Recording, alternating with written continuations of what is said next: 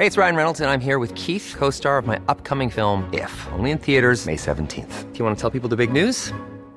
All right, I'll do it. Sign up now and you'll get unlimited for $15 a month in six months of Paramount Plus Essential Plan on us. Mintmobile.com slash switch. Upfront payment of $45 equivalent to $15 per month. Unlimited over 40 gigabytes per month. Face lower speeds. Videos at 480p. Active Mint customers by 531.24 get six months of Paramount Plus Essential Plan. Auto renews after six months. Offer ends May 31st, 2024. Separate Paramount Plus registration required. Terms and conditions apply if rated PG. Hiring for your small business? If you're not looking for professionals on LinkedIn, you're looking in the wrong place. That's like looking for your car keys in a fish tank. LinkedIn helps you hire professionals you can't find anywhere else, even those who aren't actively searching for a new job but might be open to the perfect role. In a given month, over 70% of LinkedIn users don't even visit other leading job sites. So start looking in the right place. With LinkedIn, you can hire professionals like a professional. Post your free job on linkedin.com slash people today. Since 2013, Bombas has donated over 100 million socks, underwear, and t-shirts to those facing homelessness. If we counted those on air, this ad would last over 1,157 days. But if we counted the time it takes to make a donation possible, it would take just a few clicks. Because every time you make a purchase, Bombas donates an item to someone who needs it. Go to bombas.com slash ACAST and use code ACAST for 20% off your first purchase. That's bombas.com slash ACAST, code ACAST. Ja, men då rullar vi här i sjukstugan. Åtminstone i min sjukstuga. Eh, Jag ser till att fira in julen ordentligt med att få covid. Men när ni sitter och lyssnar på det här, då är det ju faktiskt 2024. Helt sjukt. Och nu dog min skärm. Då har vi inspelningen igång. Så ja, åklagaren kan väl börja ställa frågor. Det här är Nyans, feministisk true crime med Kajan, Hanna och Paula. Det är nu du kommer glömma bort att vi, att vi ser varandra eftersom du inte ser oss. Så nu kommer du sitta och pilla näsan, och helt plötsligt klä av dig naken. Ja, ja, ni har att se fram emot. Ja. Vi har en show. Så när ni som sitter och lyssnar hör att vi bara då är det Paula som gör, som gör något move. Ja. Nej, alltså jag, jag eh, drömde, alltså så himla stressigt. Dels, jag drömmer alltid, det är alltid liksom, eh, eh, vad heter det, så här, eh, ni vet när allt går åt helvete i världen. Ja, Ah, vad heter det ordet? Akapalypsis eller något sånt? uh, uh, apokalyptisk. Apokalyps.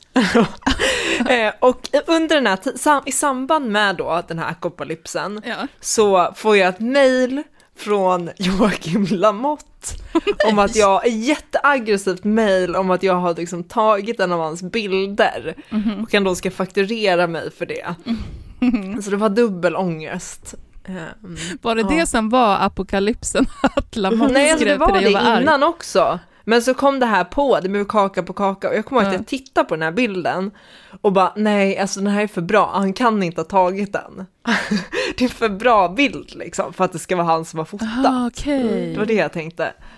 Eh, men ja, jag kollade mejlen när jag vaknade, jag hade inte fått något. Nej.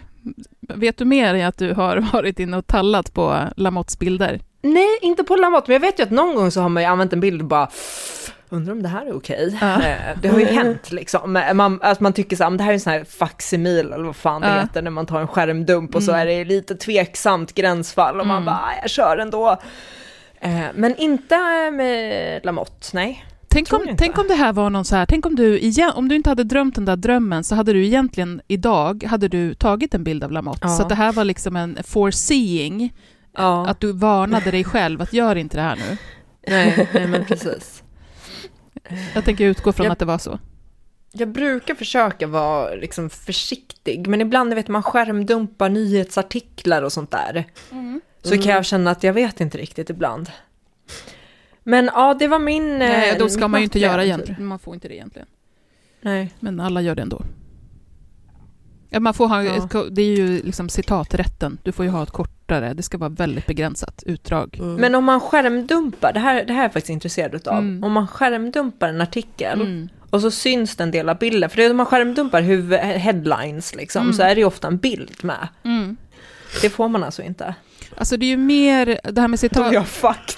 Jo då, men alltså det är ju mer det här med citaträtten. Du får ju liksom inte, Mm. som många gör, skärmdumpa en hel artikel eh, och lägga Nej. upp. Eller citera för långt ur. Jag vet att vissa konton har liksom eh, haft som sina inlägg egentligen att man bara alltså, rycker texter från artiklar och har det Ja, som... det ser ju jag jätteofta. Ja. När folk lägger ut hela artiklar. Mm, Mm. och det, det, får man du ju inte. inte. Nej. Nej. Det kan ju, är Okej. tidningen på det humöret så, så kan du ju åka på skit för det. Ja. Eh, sen är det ju, lite, det, sen är det ju liksom bedömningsfrågan när det kommer till, till bilder. Jag menar, det är, ju det är ju bättre att du tar en skärmdump där det framgår att det här är en bild som används på liksom. Expressens Mm. sida. Mm. Liksom. Eh, och där bildkredden syns, då är det ju lite annan sak. Men rycker man bara Mm. bilden eh, så är det ju Ja, inte nej, så bra. det brukar jag, bruk, nej det, det, det brukar inte, det vågar jag inte. Nej. Eh, Och det fattar man ju, det är inte så kul för den Ja. fotografen. nej, nej men Nej. exakt. Det är ju inte bara att jag inte vågar, utan jag tycker ju den personen har Mm. rätt. Som, men det är, Inte jag, att jag... Jag vet att Ja. ehm, det är dubbelt det där. Jag vet att när jag skrev för, för tidningar mycket så är det ju både att man vill ju ha en spridning. Det är ju Mm. egentligen Mm. samma sak som med, med vårt eget content. Man vill ju gärna att folk delar det man har skrivit. Det är ju inte jättekul om folk bara skärmdumpar det man har skrivit och lägger upp som egna inlägg. Liksom. Nej, man vill ju att det ska kunna handledas, Ja. hand, alltså komma tillbaka till en själv. Precis. Och det är ju Eh. samma sak. Och jag vet alltså speciellt som, som eh, frilansskribent när man får pissbetalt Mm. för texter och då, det man får betalt för är ju publiceringen. Och sen Mm. så skärmdumpar andra och lägger upp rakt av. Mm. Det är inte så kul. Eh, Min uppfattning har ju också varit att när reportrar ibland har blivit gnälliga mot någon så har det ju Mm. i princip uteslutande varit när hela artiklar har skärmdumpats. Ja. Och så har det lagts ut i sociala medier. Däremot så brukar de väldigt sällan bli kinkiga om man har eh, klippt ut delar. Skriver Mm. om det och hänvisar till vad man kan hitta, läsa liksom hela artikeln. Precis. Och det är ju en snygg sak man kan göra. Alltså precis, låt bli att ta med hela, eh, ta ut det du vill belysa och sen så hänvisa till var det kommer ifrån och här kan du läsa hela texten i Mm. sin helhet. Eller se inslaget i sin helhet, eller vad det nu är. Mm. Mm. Då brukar det vara lugnt. Jaha, jag hade en vattenflaska här någonstans. Den har försvunnit. Men jag har kaffe i alla fall. Mm, det är det viktiga. Jag klarar mig väl en bit på det. Det hoppas vi. Ja. Jag har en, en Ulla som står och stirrar på mig. Hon är jätteirriterad. Är det sant? Är, Ja. Ligger det någon person i sängen bakom dig? Ja, det gör det. Nej men gud! Nu såg jag ett huvud! Han ligger och sover bakom mig. Nej men och han är jättenä- han är en meter bakom dig. Ja, alltså jag kan nästan röra honom. Han, Vi so- har ju superlitet rum. han Vi- sover är igenom liksom- det här. Ja, jag tror det. Jag tror det. Eller han sover nu i alla fall. Wow. Jag hör den här tunga andningen. Så när han fiser i sömnen nu så kommer vi alla Då få... kom- Ja. Underbart! Gud vilken spännande... Paula kommer strippa när som helst och så kommer det fisar från, från Johan. Ja, innan vi startade så såg jag till att, det var täck, att han var täckt med täcke. Ni har ju redan sett allting en gång. Ja, det har vi. Vad var det då? Det var något hål i några kalsonger eller byxor? Det var, eller? ja, han höll på viff, låg i sängen, så var det liksom, alltså ett hål stort som ett, jag vet inte vad. Ja.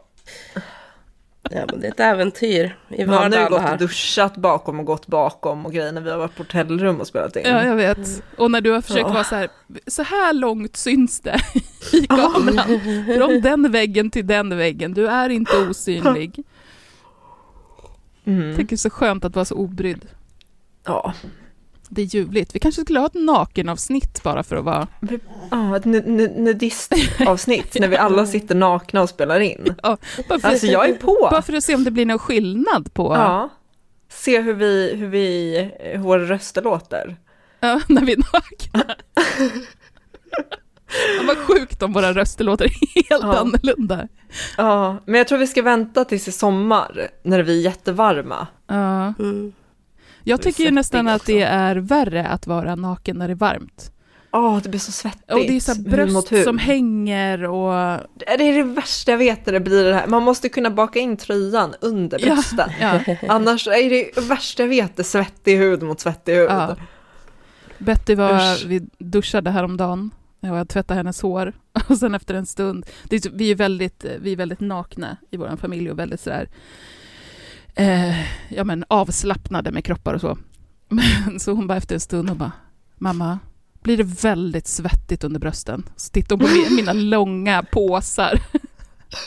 Jag bara, jajamän, det stämmer. Ja, jag förstår det. Jaha. Det är bra, hon ska veta vad som kommer. Ja. Nej men jag är också, jag är ju alltid sån här svett, alltså på sommaren Mm. så är det ju alltid streck under brösten. Ja. Där det svett, svetten har runnit. Ja, men vi, kom, vi ska ju köra igång det här lilla avsnittet nu så småningom. Men vi förinspelar ju och det här kommer ju bli ett till då dubbelavsnitt. Det här dubbelavsnittet, den här första, första delen som ni hör på nu är ju ett ordinarie avsnitt som alla kan lyssna på. Men, och så här brukar vi inte göra, del två kommer ju att bli ett bonusavsnitt. Så att vill ni höra fortsättning på det här eh, kuriosavsnittet som det är idag, som kommer handla om grooming, ja då måste ni bli Patreons och lyssna på det på torsdag. För då kommer del två. Annars får ni bara lyssna på bara mig babbla idag i princip. Eh, för vi ska prata om grooming. Jag ska ha en liten genomgång här nu först. Så ska vi diskutera lite grann om det och sen så i nästa avsnitt så kommer eh, Hanna och Paula att dra varsitt eh, fall som då rör det här temat grooming. Som, och sen så kommer vi ha avslutningsdiskussion på det. Så att ni får liksom förarbetet idag och sen nästa avsnitt så får ni fallen. Så plocka fram stickning eller virkning eller eh, pusslet eller vad det är ni håller på med så ska jag babbla på en stund.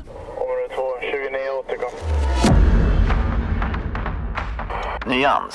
Feministisk true crime med Kajan, Hanna och Paula.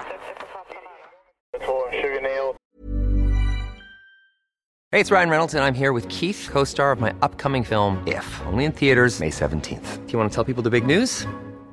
All right, I'll do it. Sign up now and you'll get unlimited for $15 a month and six months of Paramount Plus Essential Plan on us. Mintmobile.com slash switch. Upfront payment of $45 equivalent to $15 per month. Unlimited over 40 gigabytes per month. Face lower speeds. Videos at 480p. Active Mint customers by 531.24 get six months of Paramount Plus Essential Plan. Auto renews after six months. Offer ends May 31st, 2024. Separate Paramount Plus registration required. Terms and conditions apply if rated PG. Hiring for your small business? If you're not looking for professionals on LinkedIn, you're looking in the wrong place. That's like looking for your car keys in a fish tank. LinkedIn helps you hire professionals you can't find anywhere else, even those who aren't actively searching for a new job but might be open to the perfect role. In a given month, over 70% of LinkedIn users don't even visit other leading job sites. So start looking in the right place. With LinkedIn, you can hire professionals like a professional. Post your free job on linkedin.com/people slash people today.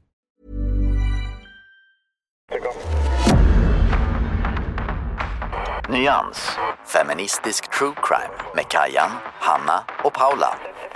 Eh, lite källor som jag har då är lika bra att dra på en gång. Jag har läst eh, på, hos riksdagen, riksdagen.se. Jag har läst hos polisen, polisen.se.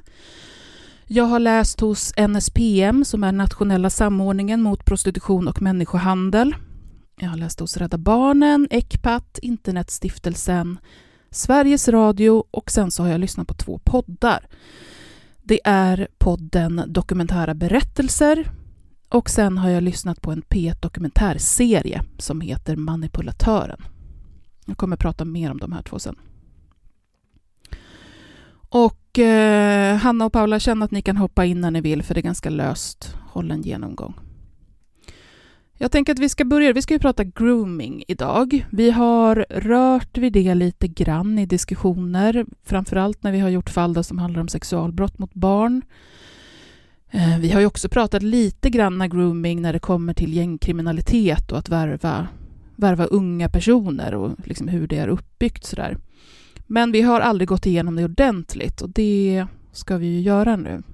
Så vad är grooming? Det är ju alltså inte ett juridiskt begrepp eh, utan inom juridiken så pratar vi istället om det som kallas kontakt med barn i sexuellt syfte. Eh, och det är, eh, har varit ett brott, en lagstiftning, sedan 2009. Och I korthet så innebär den brottsrubriceringen att en person tar kontakt med barn under 15 år i syfte att begå ett sexualbrott mot barnet. Och det här är ett brott med straffskalan eh, från böter, alltså om man, blir, om man blir dömd för det här så är det från böter eh, och sen är det upp på övre delen av skalan så är det fängelse upp till två år. Och det finns ju en hel del andra angränsande brottsrubriceringar. Jag tänker vi, vi tar dem också lite snabbt bara. Som täcker in fler typer av brott eh, som, ska vi säga, de brukar höras i samma sammanhang. Och då har vi till exempel utnyttjande av barn för sexuell posering. Det är en brottsrubricering. Utnyttjande av barn genom köp av sexuell handling är en egen. Barnpornografibrott är också en egen och eh, förstås då så har vi de här sexuella övergrepp eh, slash våldtäkt av barn som är flera olika också. Det fin jag vet inte om jag ska ta de här lite exempel. Ja, men det, det, kan ju vara svårt att skilja på de här olika brottsrubriceringarna, vad som är vad. Och ofta när det, när det kommer till, eh, till grooming-situationer så kan det ju vara flera, flera brottsrubriceringar som, som det handlar om i ska vi säga, händelseförloppet eller i, i det som förövaren eh, har hållit på med. Men man kan till exempel säga då att om någon skickar en oönskad nakenbild till en, då är eh, brottstypen sexuellt ofredande. Om någon delar nakenbilder på ett barn i en gruppchatt till exempel, då är det barnpornografibrott. Om någon pressar dig till att eh, ta och skicka nakenbilder på dig själv och du är barn, så är det försök till utnyttjande av barn för sexuell posering. Eh, om någon delar en bild på, på dig i en utsatt situation, tänk att någon har tagit bild på dig i duschen till exempel, och delar den bilden, ehm, eller om du sitter på toa eller vad som helst, så, så kan det röra olaga integritetsintrång. Ehm, om någon då har fått tag på nakenbilder eller avklädda bilder på dig och eh, hotar dig med att om du inte skickar fler sådana här eller mer material så kommer jag att sprida det. Jag kommer visa för dina föräldrar eller jag kommer dela på skolan. Då kan det handla om grovt utnyttjande av barn för sexuell posering. Så det är eh, olika brottstyper som, som liksom delvis överlappar varandra här. Men grooming är alltså just den här kontakten med barn i sexuellt syfte. Eh, många tror jag förknippar grooming med just de insatser som förövaren gör för att etablera den här kontakten mot barnet. Min upplevelse mm. är att i dagligt tal så finns det en ganska stor, ett stort glapp mellan vad grooming är, det vi pratar om vanligtvis, och vad som är i lagen grooming. Det tror jag också. Och att så här, det finns verkligen ett stort, ganska stort utrymme som är inte olagligt, mm. men djupt omoraliskt. Men precis, jag, jag, jag tror också, jag tror precis som du att många kanske har uppfattningen av grooming att man liksom ja men uppvaktar ett barn eller är liksom ja, för... Exakt, alltså jag säger ju att jag har varit utsatt för grooming, mm. även om det i lagens mening inte har varit det, eftersom att jag har varit äldre än 15. Just det. Precis. Eh, så då har det ju inte varit det, men, men det är ju det, alltså det är ju fortfarande det när vi pratar om ordet grooming innan Alltså förstår ni vad jag mm. menar? Mm. Eh, och det gör ju inte att det blir mer okej, det är ju fortfarande förkastligt. Men jag tror precis som, som du Hanna, och det syns ju också när vi pratar om grooming, eller ska vi säga fenomen som liknar grooming i när det kommer till att värva eh, barn till gängkriminalitet. Det, det, är ju inte att söka kontakt med barn i sexuellt syfte. Det är ju inte alls det eh, som det handlar om. Men vi använder oss av grooming eh, som begrepp därför att vår bild av grooming är just det här snärjandet av barn snarare, eh, oavsett syfte. Men, men det är alltså inte det som, eh, ska vi säga, i, i lagens mening så är det inte det som det handlar om. Ehm, um, NSPM då, de skriver till exempel så här. Förövaren arbetar ofta med att bygga upp barnets förtroende och tillit över tid. Tillvägagångssätten är många gånger likartade. Kontakten inleds ofta med smicker och beröm för att sedan övergå till olika typer av tvång och hot. Förövaren kan även erbjuda mutor eller presenter. Och så skriver man vidare här sen lite längre ner. Sexuella övergrepp på nätet är ofta icke-fysiska till en början. Till exempel genom att barnet uppmanas att skicka bilder eller pressas till att posera framför en webbkamera. Detta material kan sedan användas som utpressning. På så sätt blir barnets gränser successivt förskjutna. Och så pratar man också här om att förövaren ofta har strategier för att bryta ner eventuellt motstånd då, hos barnet, hos offret. Och det kan man göra till exempel genom att skapa en känsla av delaktighet. Alltså i princip att det här är någonting vi gör tillsammans och, och sätt och vis att, det är barn, att det, barnet är lika delaktigt som förövaren är. Och genom det så minskar man ju då sannolikheten för att barnet ska vilja berätta för någon om vad som har hänt, för att skammen blir liksom desto större. Jag tänkte ta lite exempel på de här sakerna som jag precis läste upp eh, och se utifrån de här dokumentärerna som jag har lyssnat på hur, hur det kan se ut. Och om vi börjar då med podden Dokumentära berättelser så har ju de ett avsnitt som heter just Utsatt för grooming. Och i den, det är ett väldigt bra avsnitt, lyssningsvärt. I den så är det OS-simmerskan Ida Marco Varga som väldigt modigt berättar om när hon blev utsatt för grooming av en simtränare. Och eh, jag tycker absolut att man ska lyssna på avsnittet, men jag ska sammanfatta det lite grann. Ehm, Ida flyttar ju då liksom, hon, flytt, hon hoppar av skolan och så flyttar hon hemifrån för att hon vill, eh, hon tyckte det var svårt i skolan och fick liksom inget sammanhang där. Så kan det ju ofta vara, man känner att man inte passar in och så ville hon satsa då på simningen istället. Så att hon eh, flyttar till en ort där eh, landslagscoachen finns eh, och börjar träna liksom mer intensivt. Och då är de ju en större grupp med tjejer som tränar och vi vet att i sådana situationer, i sån kontext, så kommer det alltid finnas en, liksom en vilja av att vilja bli sedd, att vilja bli eh, Eh, berömd, eh, eller ja, att få beröm och att eh, bli bekräftad på olika sätt.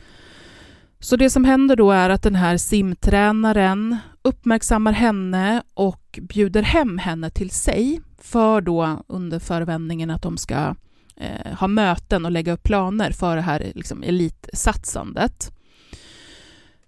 Och i det här hemmet så börjar det här gräns, gränsförskjutningarna. Eh, och det är väldigt tydligt exemplifierat. Det blir väldigt tydligt när man lyssnar på avsnittet hur det här kan gå till. Ehm, för här går de runt då i den här mannens bostad. Han ska visa henne runt. Ehm, vilket man också kan liksom reagera på och få en, en red flag kring. Men han visar henne runt i huset och då har han en fäbless för nakenkonst, vilket känns absolut inte otippat. Eh, och, och, det är nästan som att han börjar liksom i det rum där den nakna konsten är liksom lite snällare. Um, och det är någon, eh, någon avgjutning av hans hans frus rumpa och det är liksom eh, affischer och sådär. Och, så, och han börjar prata om det också på ett väldigt normaliserat sätt. Och i det här, eh, när han pratar med henne, så gör han också det här inkluderandet och den här att han skapar en känsla av delaktighet, det vill säga liksom att Ida är en del av det här som han gör.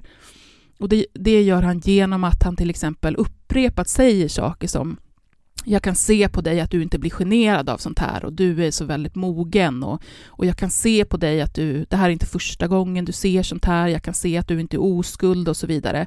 Så att han genom det, på ett otroligt manipulativt sätt, så, så drar han liksom in henne i, i det som han håller på med. Och sen liksom utvecklas det här mer och mer. Till slut är de i sovrummet och där är det liksom foton på han och hans eh, partner då, i olika sexställningar och det är avgjutningar av, av kön och det är... Ja, han eskalerar det här helt enkelt och sen kommer det fram till eh, även liksom fysiska övergrepp.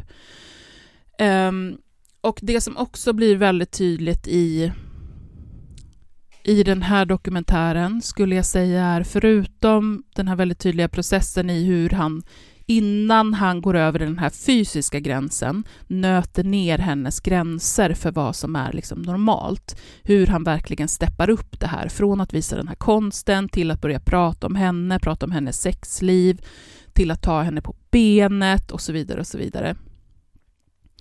Eh, men också hur han, som en typisk förövare, har kunnat se att hon är i en väldigt utsatt situation. Hon har inte sina föräldrar i samma stad, hon, är, hon har hoppat av skolan, hon är liksom satsar på just det här med simningen och han blir den punkten som hon då har hängt upp väldigt mycket kring. Så hon är väldigt beroende av honom i det och det här utnyttjar han på ett väldigt utstuderat sätt. Den här andra dokumentären då, ehm, det är alltså en samproduktion mellan P1 Dokumentär och Ekot. Den heter som sagt Manipulatören. Det är en serie i fem delar och har ni inte lyssnat på den än så herregud, gör det. Den var, det är en otroligt um, snygg produktion men också extremt upprörande. Så här står det i beskrivningen till det första avsnittet. 14-åriga Amanda chattar dagligen med studenten Douglas. Nu ska de ses. Då kommer hot från en okänd person att nakenbilder på henne kommer spridas. Flera unga tjejer får alla hotfulla sms som att nakenbilder på dem kommer skickas till deras nära och kära. Det finns bara ett sätt för dem att stoppa detta, att träffa personen som skickat smsen. Manipulatören är en berättelse som sträcker sig över 20 år tillbaka i tiden. Det här är alltså en, handlar om en serieförbrytare eh, som på ett extremt utstuderat och väldigt grovt sätt eh, gör unga tjejer till sina offer. Jag, kan, jag vill liksom sammanfatta det, men jag vill heller inte avslöja för mycket, för jag vill verkligen att ni ska lyssna på den här. Men, men eh, det har sitt avstamp i att den här mannen då helt enkelt, eh, hans styvdotter eh, går ut och berättar att han förgriper sig på henne när hon är nio år. Eh, och eh, hon blir inte riktigt trodd där. Han, den här mannen är en så pass duktig manipulatör att man då redan när man utreder den här första, eh, de här första anklagelserna med den här styvdottern så lyckas han få båda hennes föräldrar att tvivla på att det hon säger stämmer.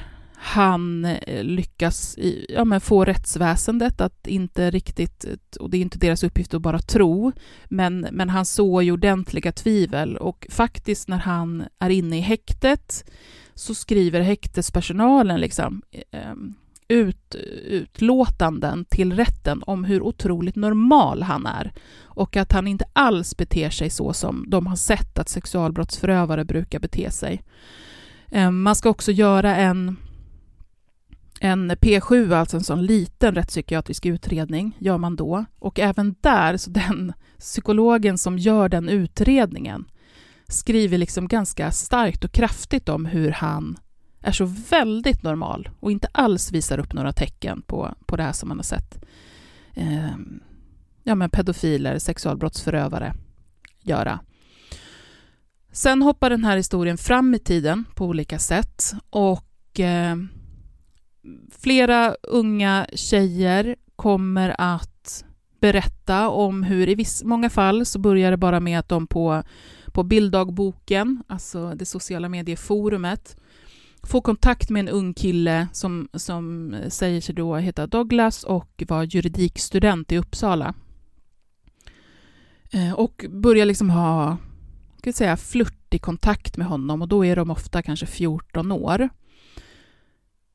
Och det här, den här kontakten som de har med den här Douglas, det kan, den kan hålla på i ett halvår upp till ett år med väldigt tät kontakt där de delar med sig om mer och mer och där man till slut också Eh, får avklädda bilder och också skickar avklädda bilder. Man tänker att det här liksom är en, en kärleksrelation som håller på att bli.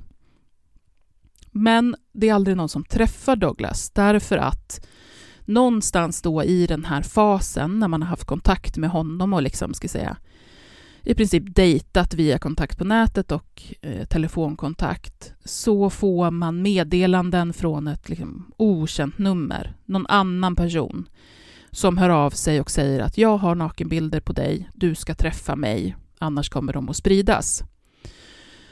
Eh, och, och, så i dokumentären då så finns det olika berättelser om hur det här förloppet går till och hur också eh, tjejerna, beroende på liksom Eh, sociala omständigheter, hur nära kontakt man har med familj och så vidare, eh, ska vi säga, eh, det. För vissa så lyckas man liksom avbryta kontakten, man kopplar in föräldrar och polis.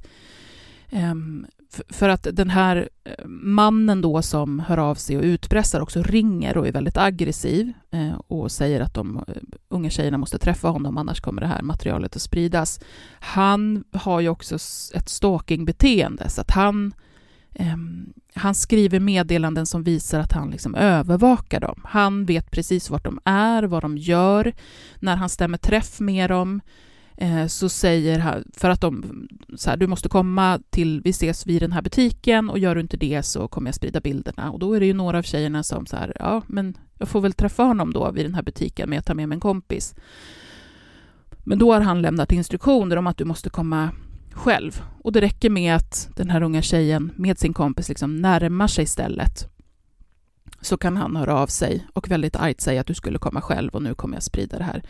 Eh, det är också bilar som passerar utanför deras bostäder som liksom på något sätt rapporterar om att man vet att de är hemma, eh, vad deras föräldrar heter, deras, ja, olika uppgifter som visar att den här förövaren har kartlagt dem på olika sätt. Otroligt läskigt. Ehm, I något fall så kommer det att röra sig om eh, fullskalig våldtäkt där en en tjej då, när, när den här förövaren, som jag gissar att ni har listat ut då, även är den här Douglas, som låtsas vara en yngre person, han dubbelspelar henne liksom. Så att han eh, agerar då både som sig själv med att han eh, smsar och hotar, så att du måste träffa mig annars eh, kommer jag sprida det här materialet som jag får tag på. Men där hon då söker stöd hos den här som hon tror är Douglas, den här yngre killen.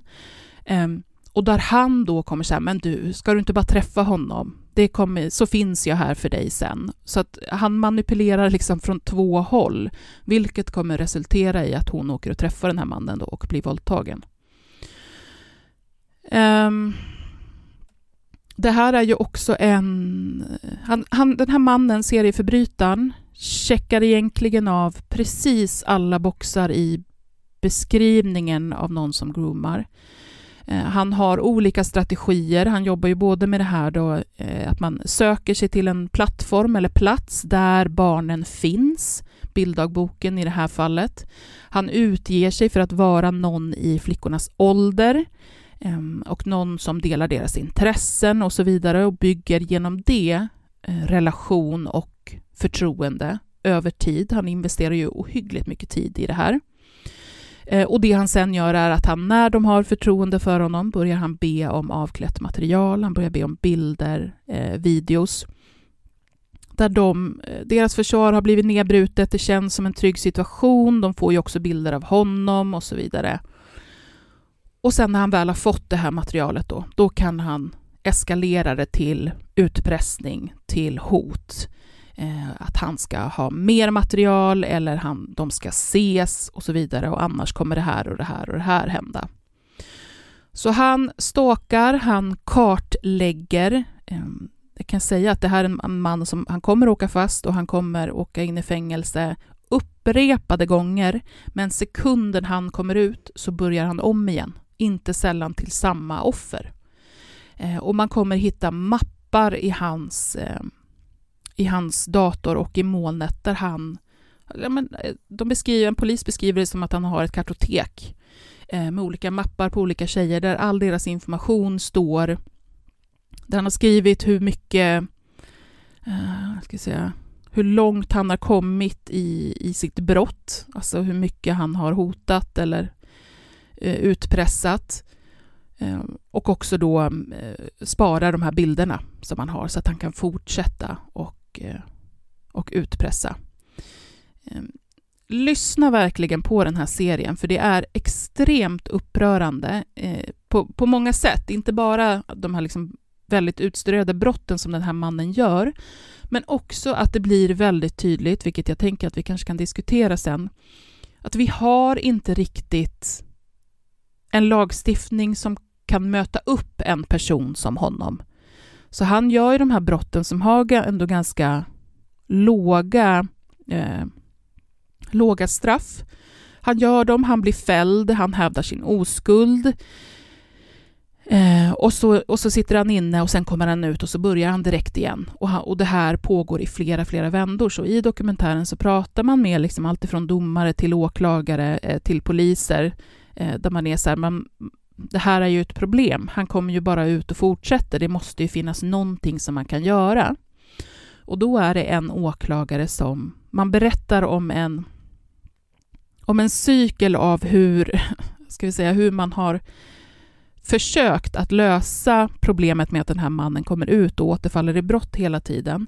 Eh, jag berättade ju om den här första, vid anklagelserna om sexuella övergrepp på eh, styvdottern, så, så gör man ju en P7, men, men där då eh, den, den, som gör eh, utredningen kommer fram till att han, han, den här mannen är ju väldigt normal och det finns inget konstigt alls. Eh, han lyckas bli manipulerad helt enkelt, kan vi säga med det vi vet nu.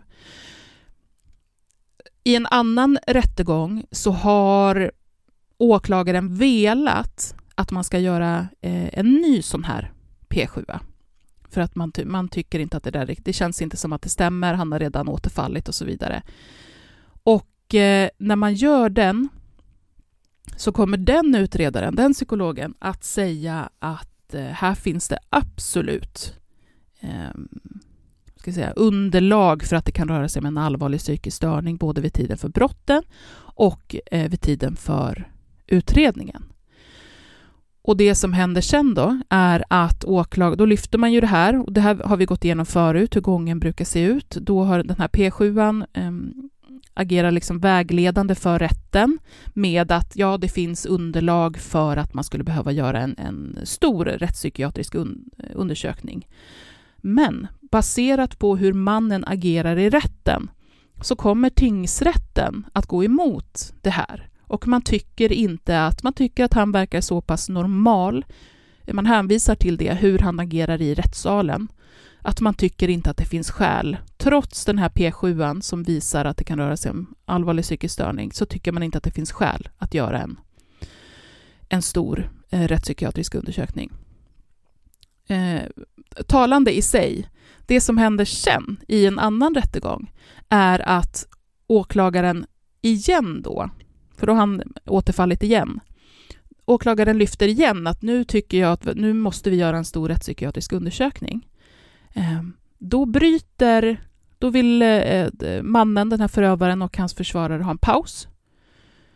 Ehm, för då är det i ett fall där man sitter och har överklagat till hovrätten. Då vill man ha en paus och så pratar man sinsemellan och sen kommer man tillbaka att man tar tillbaka sitt överklagande. Ehm, så helt enkelt så har man sett risken för, mannen och försvaret har sett risken för att här kommer man göra en rättspsykiatrisk undersökning.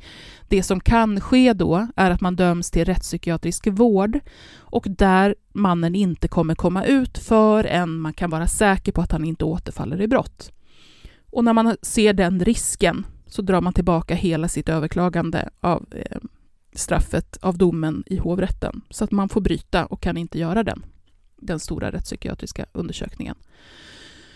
Så det som inte minst är upprörande med, med den här dokumentären är att den här mannen ganska så säkert håller på fortfarande.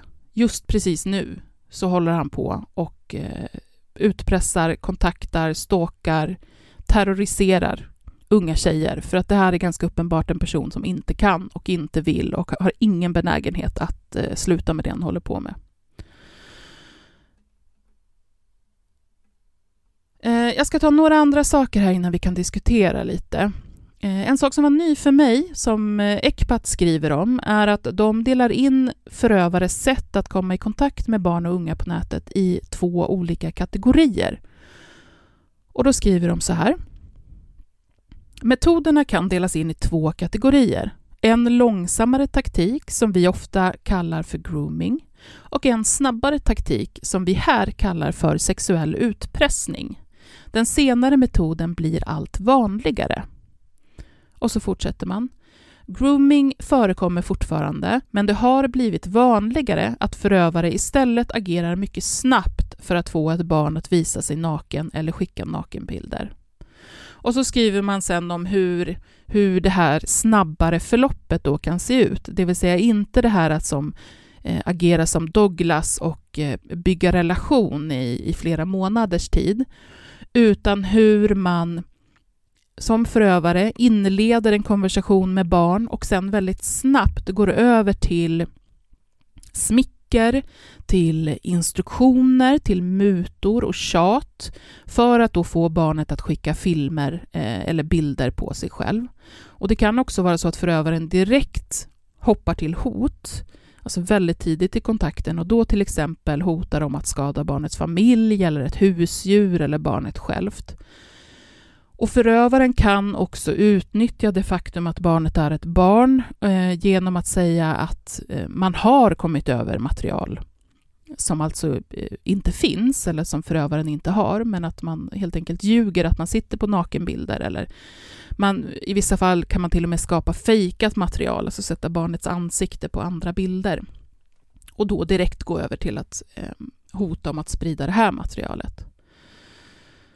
Jag kan säga någonting om hur vanligt det här är också med, med den typ av, av grooming som vi pratar om. I en artikel från april 2021 så skriver Sveriges Radio eh, under rubriken Stor ökning av utredningar av groomingbrott mot barn.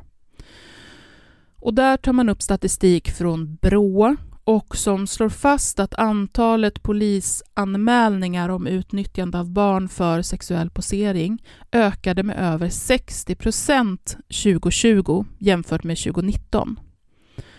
Och man kan också se att den här ökningen syns i, i åklagarkammarens årsredovisning när det rör antalet utredningar. Och i den här artikeln står det också så här. Det här är enligt experterna övergrepp som är lika traumatiska som våldtäkter.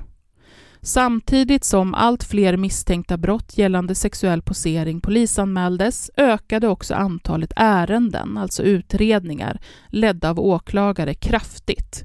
72 procent sedan 2018. Jag ska också säga att bara någonting om barns utsatthet Eh, och sen är jag färdig. Eh, såklart så kan precis alla barn bli utsatta för det här. Eh, tjejerna i P1 Dokumentärserien pratar mycket om just det. Om hur svårt, för att inte säga omöjligt, det var att värja sig. Att de kände att de var personer som ändå hade en ganska kritisk blick på kontakt med personer de inte kände och så vidare. De var inte ska vi säga, i barngruppen var de inte jättesmå, utan de var där runt 14 år och hade, tyckte sig ha viss koll. Eh, men är en tillräckligt duktig manipulatör så, så kan vem som helst bli drabbad. Men vissa grupper av barn kan löpa större risk att utsättas. Och då skriver NSPM så här. Många gånger söker förövare aktivt upp barn som är särskilt sårbara. Det kan till exempel handla om barn som är utsatta i skolan, som lever i fattigdom eller som har svårigheter i familjen. Det kan även handla om barn med funktionsnedsättningar eller unga som söker efter att, efter att hitta sin egen sexualitet eller könsidentitet. Att barnet befinner sig i en sårbar position kan innebära att de är mer mottagliga för den inledande bekräftelse som förövaren erbjuder. Och nu är det jag som tänker högt här och ni får fylla på sen vad, vad ni tänker om det. Men det är ju inte alldeles ovanligt att vi hör talas om sexuella övergrepp och eller grooming inom barn och ungdomsidrotten. Och jag tänker att det inte är en slump. För att i kontexter där andra vuxna får väldigt stor tillgång till barnen och också blir väldigt viktiga personer för dem, väldigt tongivande personer och personer som barnen ser upp till och vars gillande de vill ha, så lär ju det här inte vara ovanligt. Då får ju eh, också förövarna, i och med att de har barnen, att de har den tillgången till barnen, så får ju förövarna också tid på sig att kartlägga barnen. Eh, att se hur utsatt barnet är, hur nära föräldrarna är och så vidare. Och man kan ju också spela då på just det här som, vi, som Ida pratar om i den dokumentären, att eh, barnets vilja att bli bättre eller liksom nå framgångar inom sin sport. Att du som vuxen som då ska hjälpa barnet till det kommer ha en särskilt eh, ska vi säga, bra förövarposition ur det hänseendet. Ehm, ja, det var egentligen det. Mm, vad tänker ni? Alltså jag blir så provocerad. Mm. Uh, jag vill slåss. Mm. Det är väl det uh, jag, jag, tänker. och sen så tycker jag att det är ganska uppenbart också att samhället inte alls gör tillräckligt mycket för att möta det här. eller liksom vad säger man? Ja. Vad heter det? Stävjare. Mm. Um, och det känns som att det går i fel riktning. Ja, för jag menar, har man en sån situation som då är manipulatören, där det är en person som, ja. alltså han, han har noll vilja att sluta med det han håller på ja. med. Det finns liksom inget, vi, vi har inte något sätt att skydda eh, eh, eller hantera sådana personer. Nej, vi har inte det. Det finns liksom inget lagrum eller möjlighet till det. Och det är det som blir så otroligt obehagligt. Um, ja, jag tänker bara på eh, han som, det, det här är ju egentligen helt skilt, mm. men jag, jag, för några år sedan så var det ju någon som höll på att skicka dickpics mm. till eh, typ oss alla feminister mm. liksom på Instagram. Eh, och han blev ju dömd för flera fall av eh, sexuellt ofredande. Mm. Men där var det också så han fick väl eh, villkorlig dom och där var det också det här lagt så här, nej men han, han kommer bara fortsätta. Mm. Och fortsätta, det var ju så här dagen efter så fortsatte han efter han blivit dömd. Ja. Och där är också en sån här situation då det finns liksom ingenting att göra. För att det, det är liksom, det når inte upp till något liksom, fängelse. Man, man, hade ju typ velat stänga av personer från internet. Mm. Eh, men det finns inte den möjligheten. Nej, men, och det, men... det den här åklagaren liksom då var inne på var att så här, ja, men rättspsykiatrisk vård, det är det alternativet ja, som finns. Det det Därför att då, ja. då kommer förövaren få sitta där tills man bedömer att det, det finns inte den här risken. Han, ja, han har tillfrisknat och det finns inte den här risken att han återfaller. Mm. Vilket ju gör som för den här manipulatören, att han skulle ju sitta i all evighet. Ja. ja alltså, åh, jag blir så... Men de, de lyckades ju lirka sig ur det också, så att det inte blev ja. någon, någon stor ja. undersökning. Så jag menar, och, och det är, man pratar också med en domare om så här, eh, och frågar i dokumentären att men, är, det måste ju vara, eftersom han gör det här flera, flera gånger, hur kan det bedömas mm. på samma sätt varje gång? Och då säger domaren att ja, i, i det fallet där jag dömde den här gången så la vi på tre månader då som en försvårande omständighet då. Att det var... Och det är så det kommer inte göra någonting. Det gör ju ingenting. Det kommer inte göra någonting. Det gör ju ingenting. Det, och det är ju fortfarande väldigt korta straff. Ja. Ja. Och ett problem ja, där var ju det... också att han lyckades ju, den här förövaren laddade ju upp sitt material på molnet, vilket gjorde att han, polisen kunde inte komma åt, alltså hans hårddiskar och sånt kan man ju rensa, men man kunde ja. inte komma åt det här materialet han hade. Så direkt när han kom ut så har han fortsatt tillgång till de här nakenbilderna, till videosarna och kan fortsätta sin utpressning och sina hot, förutom att han liksom samtidigt skaffar sig nya offer. Eh, så ur ett brottsoffersperspektiv är det ju alltså vidrigt. Det är fruktansvärt. Men just ur brottsoffersperspektiv så, så tycker jag verkligen inte vi lever upp till, alltså som samhälle och rättsväsendet lever upp till till liksom det kravet att skydda Nej. barn eh, och brottsoffer. Inte, i, inte alls. Eh, och jag tycker fortfarande att det verkar finnas något så här, någon idé om att saker som sker över nätet inte är lika farliga som en fysisk konfrontation. Mm. Att det lever kvar väldigt starkt, trots att det finns, eh, det finns mycket som, vi, som tyder på att det är mm, lika allvarligt och kan få lika allvarliga psykiska konsekvenser. Och till och med ännu värre Ja, ibland. precis som det stod i Eh. den här eh, Sveriges Radio-artikeln, att Mm. enligt experterna så är eh, det här en form av övergrepp som är lika traumatiska som våldtäkter. Och jag menar det Ja. som beskrivs i den här manipulatören, vad de liksom tvingas till, och det är ju, det är ju alltifrån att bara ta, ska vi säga, en, en bild på sig själv till att utföra sexuella handlingar mot sig själv. Alltså de berättar ju hur, Mm. om hur de står framför webbkameran och liksom gråter och gör saker mot sig själva.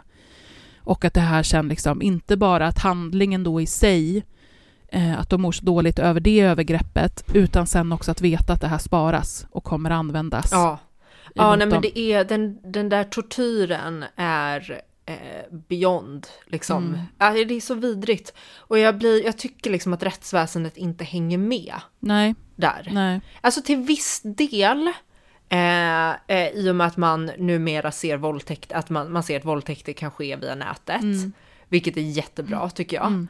Eh, men, men just det på det där, det finns ändå någonting med hur allvarligt det är. Att det är, jag vet inte, det finns någon allmän känsla att det inte skulle vara lika allvarligt Mm. tycker jag. Jo, men precis. Och, och just att I vi... samhället också. Ja, och just att det inte finns strategier eller, eller tillvägagångssätt för att se till att det inte fortsätter att upprepas. För jag tror ju verkligen att alltså personer som har, inte minst, för det här är manipulativa personer, Mm.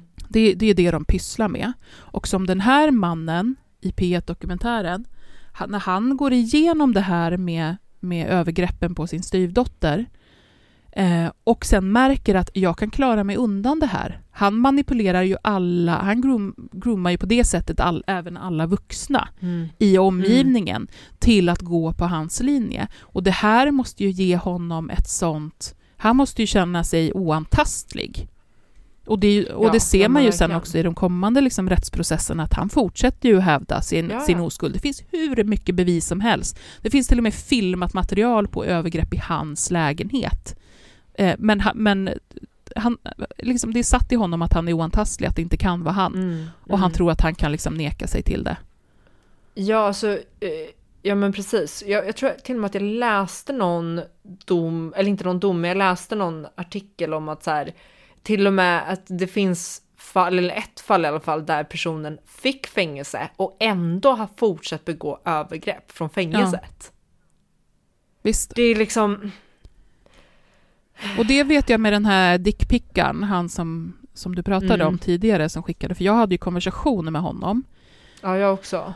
Och, och där var det ju, verk- nu ska vi säga att han, eh, eh, det var ju flera diagnoser där. Eh, Han var ju på, på spektrat med en ganska så säkert någon intellektuell funktionsnedsättning också som, som Mm. gjorde det eh, knepigt. Men, men det var ju väldigt tydligt och hur han uttryckte själv också, att han inte kan sluta.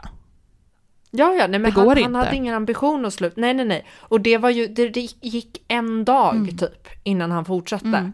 Eh, jag, tror inte, jag, kommer inte, jag tror inte att han, jag, jag vet inte om att han skulle ha skickat efter, men jag vet att han eh, gick in i någon så Facebookgrupp och började skriva, och du vet det var någonting, jag kommer inte exakt ihåg hur det var. Mm.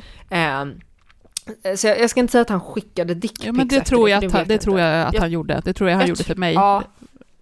Eh, men, men det som var där var också att där kände jag att polisen gjorde ett så jävla pissigt jobb. Mm. Enda anledningen till att, till att han blev dömd för det han gjorde mot, alltså det han skickade till mig, det var att jag ringde ju till, till polisen varje dag Ja. i typ två månader för att se vad gör ni, utreder ni det här, Mm. hur håller ni på? Och där sa polisen till mig att så här, det finns ingenting vi kan göra för att stoppa honom. Nej. Vi kan inte göra någonting. Och, och jag kommer ihåg det som gjorde mig så arg var också att eh, min kompis eh, eh, anmälde, bor i Göteborg och anmälde honom. Han hade skickat exakt samma bilder till henne som till mig. Mm. Så vi vet ju att det är samma person. Hon polisanmälde honom, de la ner det samma dag. Mm. Trots att mitt, det man gjort mot mig gick till åtal och han blev fälld. Ja.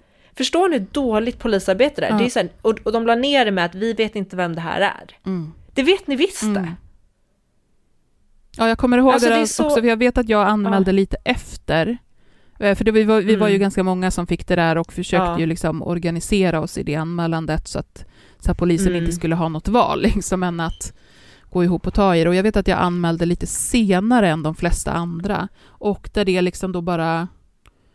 Det, jag tror att man la till... Det hände ju ingenting med min anmälan heller sen Nej. då. Trots att, det, trots att jag skickade massor med underlag, skärmdumpar, eh, ärendenummer till, Ja. till andra anmälningar och så vidare, men att det inte hände någonting. Jag vet inte om det är, Eh. alltså det är väl en kombination med att man inte tycker att det är eh, så allvarligt som en, ska vi säga, IRL-blottning. Mm. Eh, I kombination med att jag tror att det händer så jävla mycket. Så att någonstans Mm. att polisen är så här, ah, skulle vi ta alla de här sakerna på allvar, då skulle vi inte göra annat. Och det går ju inte. Nej. Nej, och det är säkert så. Mm. Det är säkert så. Eh, men jag bara kommer ihåg också när jag gick, det här har jag säkert berättat förut, men när jag gick för att anmäla det här, för jag gick ju fysiskt Mm. till, jag bodde granne med polisen, så jag gick dit med, med bilderna och så här, ja men här är det Mm. här. Och hur de var så här, hon som tog emot min anmälan, hon var så jävla skuldbeläggande Ja, för att jag just hade det. ett öppet konto. Just det. Att så här, vad förvänt, i princip, vad förväntar du dig? Du Mm. har ju ett öppet konto, du kan ha det stängt. Mm. Får du skylla dig själv. Det var den attityden. Alltså det är i manipulatören också, där en av de här flickorna blir liksom...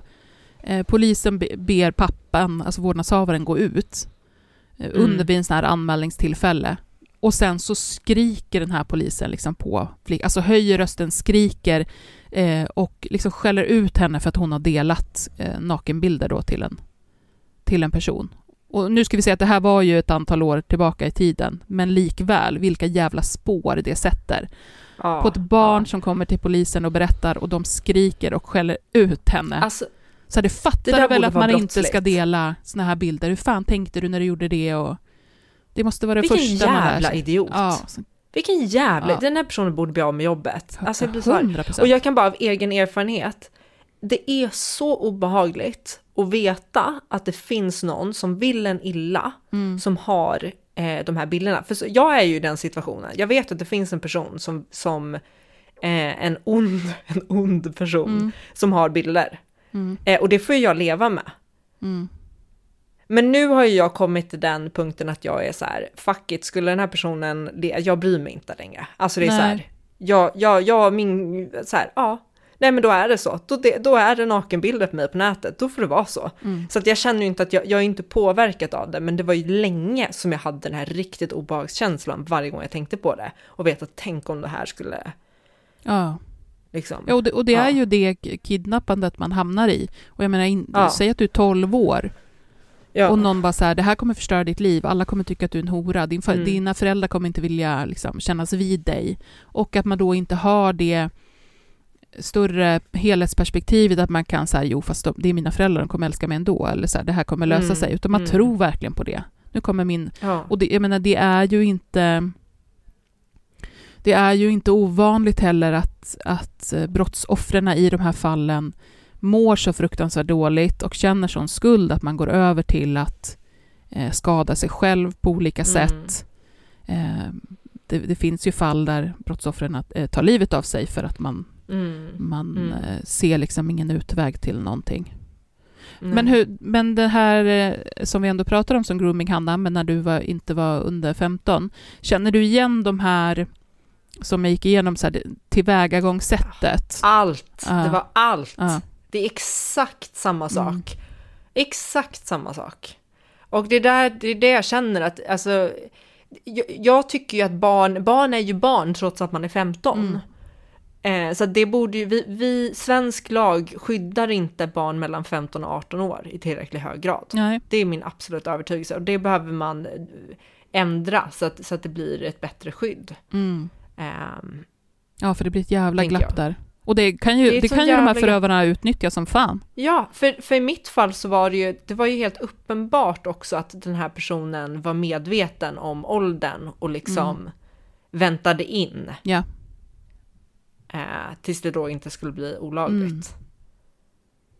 Och hur de då, precis, så de har, de, har med, de har ju med sig från början strategier för hur de ska kunna få, alltså fortsätta och komma undan. Mm. Det är ju så Mm. genomtänkt och det är så manipulativt och det är så...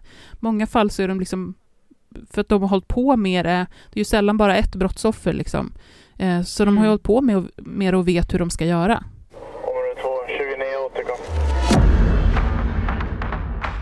Nyans.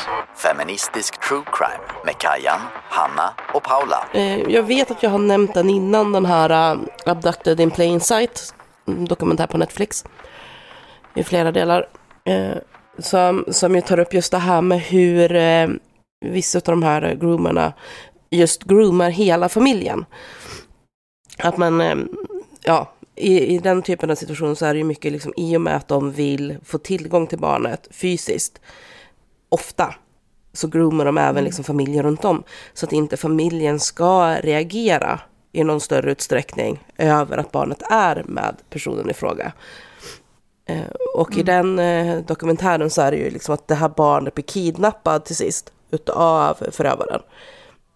De får tillbaka barnet och sen lyckas han ändå kidnappa barnet en gång till. För att föräldrarna liksom sänker sin gard så otroligt mycket runt den här mannen för att de tror att han är snäll egentligen. Eh, man ska säga.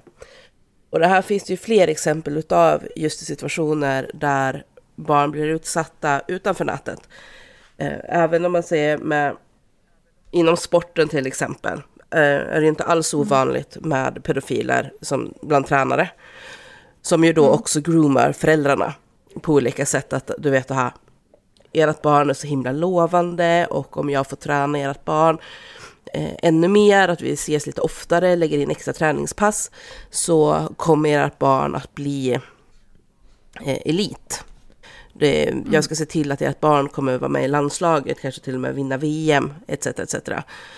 Och så mm, släpper föräldrarna liksom på, ja, men slutar vara på sin vakt efter ett tag och då börjar tränaren att utnyttja barnet sexuellt. Och barnet tvingas till att vara tyst liksom utifrån att om, om du säger någonting så kommer ju inte du kunna träna med mig något mer och då är din karriär körd.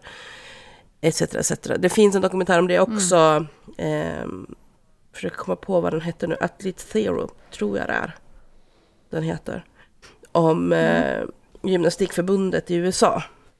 Som har haft det, problem med exakt. exakt det här. Och till sist så är det en Mm. eh, ung gymnast som vågar anmäla och vågar berätta.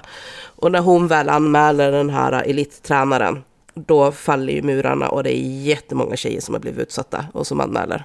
Men jag tänker också på den här grejen när, när de börjar, alltså börjar grooming, nu säger jag grooming som ett, liksom allm, ett begrepp som vi använder till vardags, som innefattar mer än det juridiska, men just när man börjar groomingen från att ett barn är 15, groomar barnet i två år tills barnet fyller 18 och sen inleder en relation. Ja. Det är också ett sånt här beteende som är så jävla vidrigt och äckligt.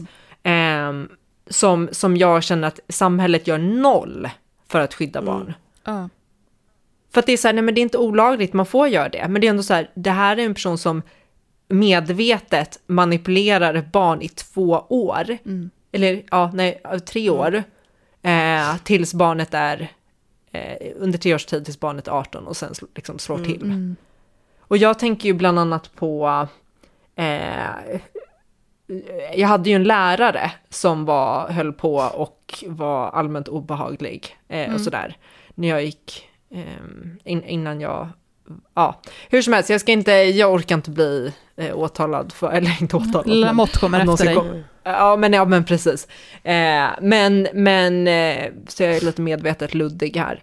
Men hur som helst, där, den läraren har ju också sagt att så här, ja, typ när, eh, när, du, när du går ut skolan, då, då kan vi liksom, jag har haft relationer med tidiga elever och sånt där. Ja. Det är helt normalt. Det är helt, ja, ja, ja, inga konstigheter. Ja, men och jag tänker du Lex, få komma och sova över. Lex R. Kelly eh, och Ja. all, alltså det här är ju ett, ett fenomen bland säga, artister, skådisar, kända personer, där det kommer Ja. någon ny lovande barnstjärna på något sätt och de börjar med uppvaktningsprocessen Mm. tidigt. Japp. Och jag menar som i R. Kellys fall när han, han snärjer unga tjejer och, och verkligen växlar upp den här ska jag säga, synligheten på sitt förövarskap tills de är ja, men sexslavar instängda i ett hus. Ja. Liksom. Alltså jag vet ju, folk brukar bli så jävla förbannade när man tar upp det. Det finns ju verkligen två läger där. Men jag är ju de som tillhör de som säger att men Michael Jackson begick övergrepp. Det tycker jag inte borde vara så himla kontroversiellt. Och där är det ju också just den här Nej. grejen att han... För att hur man än vänder på det, det är jättekonstigt. Och det är otroligt, otroligt stora röda flaggor på att övertala ett litet barns familj att låta deras typ 12-åring sova över hemma hos en vuxen man i flera dagar. I hans säng. I hans Nej men säng. alltså det, det finns, det finns ing, alltså det här är så sjukt. Mm. Det finns ingen situation, ingen situation då det här skulle vara rimligt. Nej. Alltså det är så mycket red flags att det är, eh, nej men alltså jag förstår inte hur man inte, jag fattar inte hur man, hur man tänker när man säger så här, nej men det, det har inte alls Nej. hänt. Nej. Det är eh, omöjligt, det kan inte ha hänt. Hur fan kan man säga det? Nej, jag fattar inte heller. Och inte heller liksom när man försöker att typ att, ja men Michael Jackson fick aldrig vara barn för att han var kändis. Ja, men det, alltså, så är det han hade, han hade så mycket förklaring? barn hemma hos sig då för att återuppleva den barndom som han aldrig fick typ. Det är ju det argumentet man använder då till varför det skulle ha varit rimligt att han delade säng med småpojkar. Mm. Och man bara, nej det, det är är, den inte sämsta rimligt. förklaringen ja, ever. bara, det är inte Nej, en bra det- förklaring. Det, här är jätte, jättedålig förklaring. Nej, han var ju en, en väldigt rik groomer Ja, som kunde bygga Ja. ett jävla nöjesfält för att, för att locka till sig ungar. precis. Ja, ja. Och sen dessutom då med löften det- om att eh, du ska få vara med i musikvideo, du ska få ditten och datten, Mm. jag kommer se till att du kan slå. Alltså det, det är ju en liksom något barn som han fan fick med sig från Australien till USA ensamt. En hel sommar och föräldrarna bara, ah, nej men vi kommer hämta dig sen. Ja. Man bara, det här är... Men jag tror, och det går som en röd tråd genom det här, men jag, och jag tänker liksom på allt ifrån det här vi pratar om nu till alltså hur föräldrar då alltså ens går med på det, till hur manipulatören av rätten, av den som gör rättspsykiatrisk utredning, att man liksom säger att han kan inte vara skyldig för man tycker inte att han agerar typiskt i förhållande till den föreställningsbild man har om den här förövargruppen. Mm. Så det, det, vi måste ju ha, det måste ju existera såna otroligt seglivade stereotypa bilder av vem den här förövaren är. Mm. Ja, men Där vi hela tiden, där vi ser så här, ja, okej, fast här är en, en småbarnspappa, vi tycker att han, han har ju vanligt jobb, han är så väldigt, väldigt vanlig, det kan inte vara han. Mm. Det måste vara något fel. Mm. När vi vet att det är ju de, det är ju de männen. Ja, jag tror att det fortfarande finns kvar den här äh, snuskgubbe-bilden liksom. Att en groomare, det, det är en äldre man som är lite sunkig och äcklig. Och det som är relativt lätt att känna igen liksom.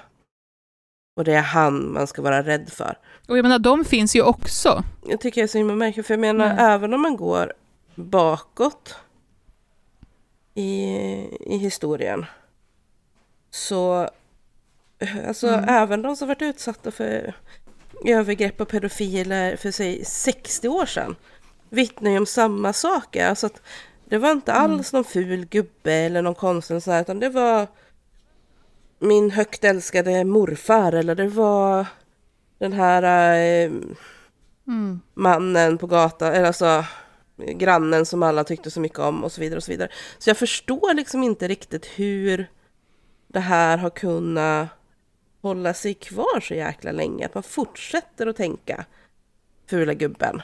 Men är det inte den här monstrifieringen också? Att man tänker att personer som begår såna här vidriga övergrepp, de måste vara monster rakt igenom. Och då får Mm. man inte ihop Mm. det med att de här personerna Mm. också kan agera snällt. Också kan vara trevliga, också kan göra Mm. liksom Ja, snälla vara saker liksom- för barnet. Vet, jag såg en film, nu var det en sån dramatisering, så det är inte liksom en det är inte en dokumentärfilm utan det är en skådespelarfilm, men den är baserad på verklig händelse. Om en kille som bodde på barnhem i England. Och då kan man tänka att oj, ja, det måste vara länge sedan. Nej, Mm. det här var, alltså han bodde på barnhemmet tidigt 90-tal. Och eh, är nu Mm. i, ja men typ 45-årsåldern eller något sånt där. Tror jag han var. Eh, Och ja, man kanske glömmer det emellanåt, men just England, Irland och så, de hade ju alltså regelrätta barnhem rätt länge. Det fanns liksom vissa sådana typer av hem ända in på 2000-talet innan man började kika på lite andra typer av lösningar. Men i alla fall, de som hade det barnhemmet eh, var män som var ganska högt uppsatta, eller man ska säga, inom eh, communityt där det här barnhemmet låg. De hade bra status och så vidare. Och sen var det ju många som tyckte att de var så fantastiska som hade ett hem för unga pojkar på glid eller föräldralösa pojkar och sådär. Så det var ju liksom lite kombination barnhem slash fosterhem slash HBV-hem. Och sådär. Eh, Men eh, de här männen då, framförallt en utav dem, både grovt misshandlade och våldtog pojkarna på det här hemmet.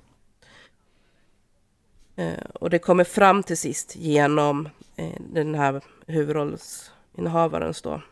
eh, Han, han tränar någonting, nu kommer jag inte ihåg vad det var han tränade, men genom hans tränare, de ser på honom när han är på sin träning och han måste klä av sig så kan de ju se gång på gång att han har sådana otroliga blåmärken över kroppen. Och till sist så lyckas de bygga tillräckligt med förtroende för att han ska våga berätta varför han har de här blåmärkena. Och allting kommer upp och de blir dömda och ehm, det här äh, hemmet lägger ner. Men eh, eh, det, det han berättar liksom om hur det här var och såna grejer, så var det verkligen att de här männen tryckte ju väldigt mycket på det här att vi har status, de andra vuxna tycker om oss, ingen kommer någonsin tro Ja. dig för du är bara en liksom, liten snorunge på glid som ingen jävel bryr sig om, du har inte ens en familj, vem skulle lyssna på dig? Och det där vet jag att används ju i många fall av groomare, framförallt på nätet då, som kanske har lyckats luska ut att något barn har det väldigt struligt med sin familj. Eh, eller kanske bor i fosterhem. Att då trycker man väldigt mycket på det också, att du är ju bara en liten sossunge, liksom, vem skulle tro på dig medan jag är ditten eller datten. Och ibland stämmer och ibland kanske det inte stämmer alls, utan det är bara man, någonting de hittar på. Men att man verkligen använder vuxnas vurm för status eller liksom det här med vad vuxna lägger in i olika Ja. typer av titlar mot barnen för att de inte ska våga säga någonting. Och då kan vi tänka sig liksom vad effekten blir då om ett barn faktiskt vågar försöka prata och berätta och får exakt det bemötandet. Ja, Ja. visst. Det man befäster det. Fy fan. Och det kan ju också göra liksom att jag förstår ändå på något sätt de barn som då kanske efter en sån grej faktiskt tar sina liv. För de får ju verkligen bekräftat, ingen kommer tro mig, jag kommer aldrig komma ur det här, det finns ingen utväg. Mm. Så där kan jag känna att vuxna generellt har en extremt viktig roll i fråga om det här med att faktiskt tro på barn, även om barnet pratar om någon som man har tänkt är vettig. Visst, och även om det nu är så att man inte, av någon anledning att det låter... Ja, men jag, jag tänker på det här eh, eh, fallet du tog upp i en snackis, nu är det för lyssnarna Mm. ganska länge, eh, länge sedan, några veckor sedan. Eh, men, men där, eh, Mm. där det faktiskt är så att barn hittar på, att man även i de situationerna bemöter, där man känner att det här är otroligt, bemöter barn på ett sätt som inte förstärker den här bilden av att du är helt Mm. vansinnig som kommer till mig och pratar. Nej men det är ju det det handlar om någonstans att men det är lite samma som det vi pratar om det här med att alltid tro på kvinnor när de vittnar om våldtäkter. Att det är en sak liksom Mm. att säga inledningsvis att jag Mm. tror på dig men vi måste också utreda det här. Och en annan att liksom Ja. gå till, ja men jag tror på dig därför behöver vi inte utreda det här, vi ska bara fälla. Och att det, kanske just Mm, när det kommer precis. till barn att vara extra tydlig liksom med att bara för att vi inte kan bevisa någonting så betyder det inte att vi inte tror på dig. Eh, men också kanske vara till och med, Mm. nu vet vi att det här inte har hänt. För ibland kan det också vara så, att man faktiskt kan bevisa motsatsen Mm. då, att det barnet säger stämmer inte. Mm. Ja, Mm. det är inte alltid lätt och det är väl därför också vuxna som inte har utbildning kring de här frågorna inte ska försöka se på att själv agera förhörsledare och fråga ut ett barn. Barn är, är, kan vara väldigt lätta att manipulera. Och det gäller ju inte bara för förövaren, utan det går ju i hela ledet. Eh, manipulera och påverka, kan man säga, så att det inte blir så laddat. Men, eh, Mm. Så det måste man ju agera med. Men hörni Nini, det var, det var vad ni får rörande det här, den här, eh, det här avsnittet. Så vill ni höra lite mer prat om det och då också två fall, då är det nästa, nästa avsnitt som är ett bonusavsnitt som kommer Mm. om eh, några dagar på torsdag. Så att se till att lyssna på Precis. det så fortsätter vi Mm. då. Så tar vi lite snackish. Område 2, 29 återkom. Nyans. Feministisk true crime med Kajan, Hanna och Paula. Vi tar lite snackis. Jag tänkte det, nu kommer ju det här ut nästa år, men jag tycker ändå att vi kan prata om det nu, för att det kommer inte direkt sluta vara en relevant diskussion att ha. Eh, och då tänker jag på hissolyckan i Sundbyberg. Att eh, det här med arbetsmiljö och så, det, som sagt, det slutar ju inte att bli relevant.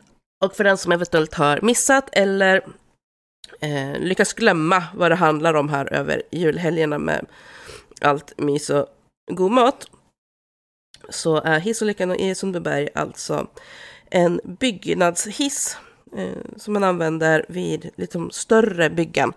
När man måste ta sig upp en bit så gör man speciella hissar för, för byggarbetarna att åka i. Och en sån hiss rasade ungefär 20 meter mot marken på en byggarplats i Sundbyberg. Eh, det var sex personer i hissen vad jag lyckats förstå. En lyckas hoppa ur i sista sekunden och klarar sig. Fem dagar. I den första rapporten om det, då var, de, då var flera allvarligt skadade, så då visste man liksom inte om de skulle klara sig eller inte. Men ja, några timmar senare så konstaterade man liksom att det, det gick inget bra, eh, så alla fem avled. Och det här har ju givetvis renderat otroligt mycket kritik mot den här arbetsplatsen och hur man har förhållit sig till de här bygghissarna vad gäller att kontrollera säkerheten i dem. För ganska snabbt så blev det också lite prat, alltså, man, man börjar alltid titta på- när det sker en olycka, och speciellt dödliga sådana, på en arbetsplats så börjar man ju alltid liksom granska för att se hur mycket ansvar i det här hade arbetsgivaren. Och där kom det ganska direkt fram att arbetsgivaren bara hade litat på den firma som bygger eh, byggnadsställningarna och därmed också hissen. Att de sa att den var okej, ja då litade arbetsgivaren på att då är den okej. Och man har liksom inte själv gjort någonting för att kontrollera att den verkade säker. Men när vi spelar in det här, då är det fortfarande liksom utredningar på gång. Så att vi får väl se, det lär ju bli någonting att komma tillbaka till.